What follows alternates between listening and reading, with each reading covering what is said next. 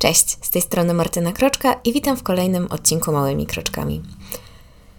Przyznam szczerze, że nie wiem jak zacząć ten odcinek i piszę go 26 lutego 2022, czyli w trzeci dzień wojny, którą wypowiedziała Rosja przeciw Ukrainie. Jest to straszne. E, informacje o tym, co się dzieje i widok bestialstwa, jaki ma miejsce, to po prostu mnie to wszystko przeraża. I nie tylko mnie. Nawet nie jestem w stanie sobie wyobrazić tego, co czują osoby, które pochodzą z Ukrainy, czy tam są po prostu. Dlatego właśnie postanowiłam nagrać ten odcinek, by porozmawiać o strachu, o emocji, która jest potrzebna, ale której niestety po prostu mamy nadmiar w ostatnim czasie.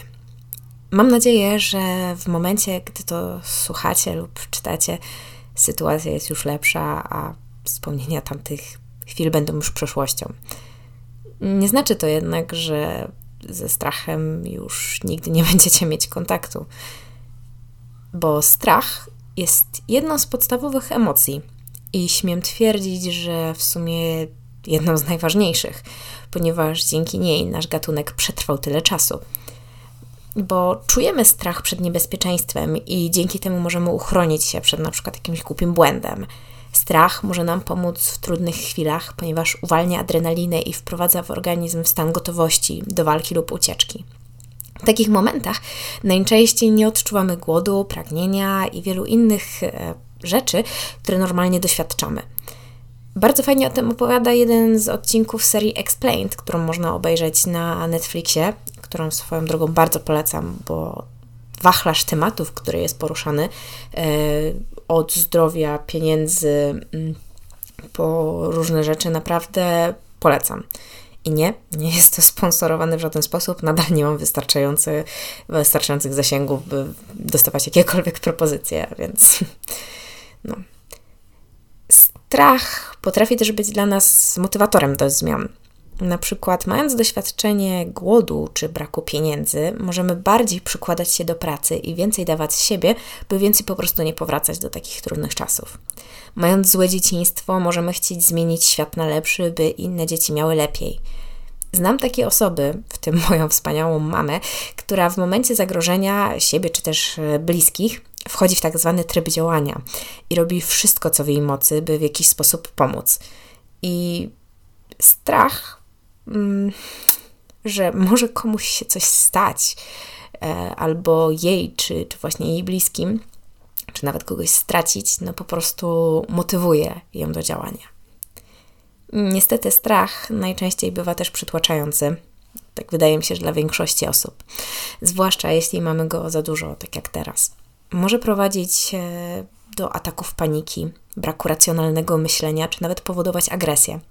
Przykładem braku racjonalnego myślenia jest chociażby to, jak w Polsce w pierwszych dniach e, aktualnej wojny ludzie po prostu rzucili się na stacje benzynowe i po prostu w kanistrach wręcz wywozili paliwo, mimo iż no, nie ma żadnych przesłanek, żeby była taka potrzeba. Niestety, ale jest to skutek fake newsów, dezinformacji, podżegania innych, czy też po prostu straszenia, ale także w mniejszym stopniu jakiegoś doświadczenia, które mogła mieć dana osoba albo którą miał jakiś jej bliski, tak? Ponieważ, no cóż, no nie możemy winić kogoś, że tak, tak, e, tak się zachowuje, ponieważ wchodząc właśnie w tryb przetrwania, myślimy przede wszystkim, jak zapewnić sobie i bliskim te rzeczy, które powinny być nam najbardziej potrzebne, tak? Ja na przykład nie ukrywam, że mnie samej przez myśl przeszło już kilka razy, by nie zrobić sobie czasem jakiejś takiej listy rzeczy, które powinnam spakować na wszelki wypadek, albo może jakąś drogę ucieczki sobie przygotować, mimo iż po prostu na tę chwilę nic nie wskazuje na to, żeby było takie ryzyko, że będzie mi to potrzebne. Niektórzy też reagują agresją, tak jak powiedziałam, i tworzą dodatkowe podziały na zasadzie my-oni to też można zrozumieć, bo znowu w trybie przetrwania chcemy zapewnić wszystko, co potrzebujemy sobie i bliskim, a każda osoba z zewnątrz może być odbierana jako potencjalne zagrożenie. Jednakże agresja nigdy nie powinna być tolerowana, bo w przeciwnym razie no to po prostu na, na, pogorszy tą napiętą sytuację. I nie dziwię się, że świat aktualnie nienawidzi Rosji, wyzywa ich, życzy im źle i tego typu rzeczy. Jednakże nie można zapominać, że oprócz osób, które popierają takie działania, e, mówię tutaj od strony rosyjskiej, jest masa osób, które się temu sprzeciwia. Są dzieci, które nie rozumieją, o co w tym wszystkim chodzi. I na przykład ja na co dzień pracuję z kilkoma osobami z Rosji i wiem, że to dla nich też nie jest trudna, że nie jest to łatwa sytuacja. Czuję, jak napięta jest właśnie atmosfera, jak się boją wręcz, że może być taki, taka na nich eskalacja, takie wylanie w ich stronę żalu. No tym bardziej, że u mnie na przykład jest też wiele osób, które są z Ukrainy i współpracujemy wszyscy razem, tak? I wiem, że oni się tego boją, mimo że no, nie mają bezpośredniego wpływu czy nic wspólnego z tym, co aktualnie dzieje się na świecie. Jest mi strasznie żal tych osób i nie przeczę, że Rosja zrobiła coś okropnego i niewybaczalnego, jednakże moim zdaniem musimy oddzielić państwo, osoby nim rządzące i entuzjastów tych działań od po prostu zwykłych obywateli, tym bardziej od tych, którzy mogą tego wszystkiego nie podzielać. No. Boję się. I w moim życiu wiele razy czułam strach. Czasami był to mały, innym razem duży. Czasami był związany z wypróbowaniem nowej rzeczy, występem, wyznaniem miłości, nową rolą, w jaką wchodziłam, na przykład mamy, e, ale również w obawie o najbliższych. W swoim życiu to już jest w sumie czwarty raz, kiedy się tak mocno boję. Pierwszy raz był, kiedy zaczęła się pandemia, czyli było to coś nieznanego, coś, co na myśl przypominało mi epidemię dżumy, o jakiej czytałam, tak? Bałam się o to, czy nikt z moich bliskich się nie zarazi tą nieznaną wtedy chorobą i martwiłam się tym, że jestem po prostu tak daleko od mojej rodziny. Drugi raz był, kiedy było zagrożone życie mojego męża i taty. Zwłaszcza przy tym pierwszym byłam przerażona, gdyż to było nagłe, niespodziewane, a przez COVID nie mogłam w ogóle się ani zobaczyć z mężem i było utrudnione jakiekolwiek y, udzielanie informacji. I mogę śmiało stwierdzić, że tamten czas był po prostu największym horrorem w moim życiu. I po dwóch tygodniach tego wszystkiego czułam, jakbym no, postarzała się o co najmniej 10 lat. Więc nie, nie dziwne, że mając takie doświadczenie, czasami irracjonalnie czuję strach, bojąc się, że znów będę bliska utraty kogoś, kogo kocham, nie mówiąc o tym, że po prostu mogłabym faktycznie kogoś stracić. Wiem jednak, że nie mogę dać się strachowi kierować właśnie moim życiem. Ominęłoby mnie wtedy zbyt wiele fajnych i pięknych rzeczy, a życie w wiecznym stresie również znacząco odbiłoby się na moim zdrowiu. To, co mogę polecić, jest po prostu przede wszystkim dbanie o siebie, Oddychaj głęboko, odetnij się od tego, co się dzieje wokół, znajdź sobie bezpieczne dla ciebie miejsce i zrób coś, co cię relaksuje. Może być to gorąca kąpiel w wannie, przytulenie do ukochanej osoby, spacer do ulubionego miejsca, czy nawet po prostu wyobrażenie sobie, że jest się tam. Zajmij czymś myśli, najlepiej jakąś pracą fizyczną lub ćwiczeniami.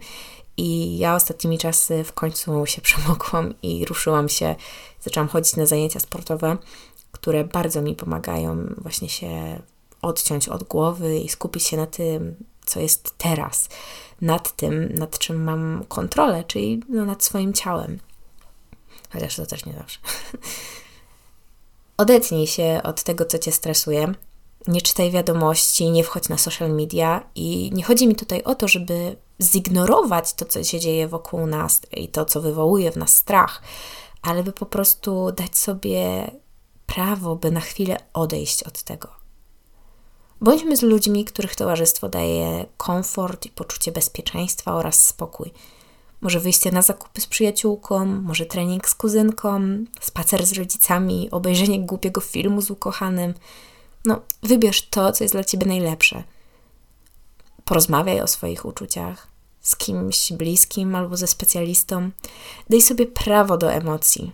Jeśli potrzebujesz, płacz. Jeśli potrzebujesz wykrzyczeć, co czujesz, to krzycz, ale nie krzycz na innych, zwłaszcza tych, którzy starają ci się pomóc. Jeśli wolisz porozmawiać sam ze sobą, to może napisz list o tym, co czujesz, a potem dorać sobie jak przyjaciółce. Może wolisz sobie rozpisać swoje obawy i przeanalizować je wszystko, by jakoś to sobie zracjonalizować? Proszę bardzo. Ale najważniejsze to daj sobie pomóc i nie odtrącaj takiej okazji. A jeśli nie masz nikogo, z kim możesz porozmawiać, znajdź w okolicy specjalistę, umów się na wizytę online lub no, zadzwoń na infolinię fundacji, która pomaga w takich sytuacjach. Jesteś człowiekiem i masz prawo do emocji, masz prawo odczuwać strach, złość. Nie masz jednak prawa, by mówić komuś, co ma czuć i by umniejszać jego uczucia. I nie możemy też wymagać od innych bohaterstwa, odwagi i gotowości do walki. Żyjemy w trudnych czasach, dlatego tym bardziej powinniśmy dbać o siebie i swoje zdrowie psychiczne. Nie możemy dać się strachowi sparaliżować. I pamiętaj, że zawsze po burzy wychodzi słońce i jeszcze będą piękne dni. Życzę nam wszystkim, tak na zakończenie, spokoju i bezpieczeństwa. I do usłyszenia w następnym odcinku. Cześć!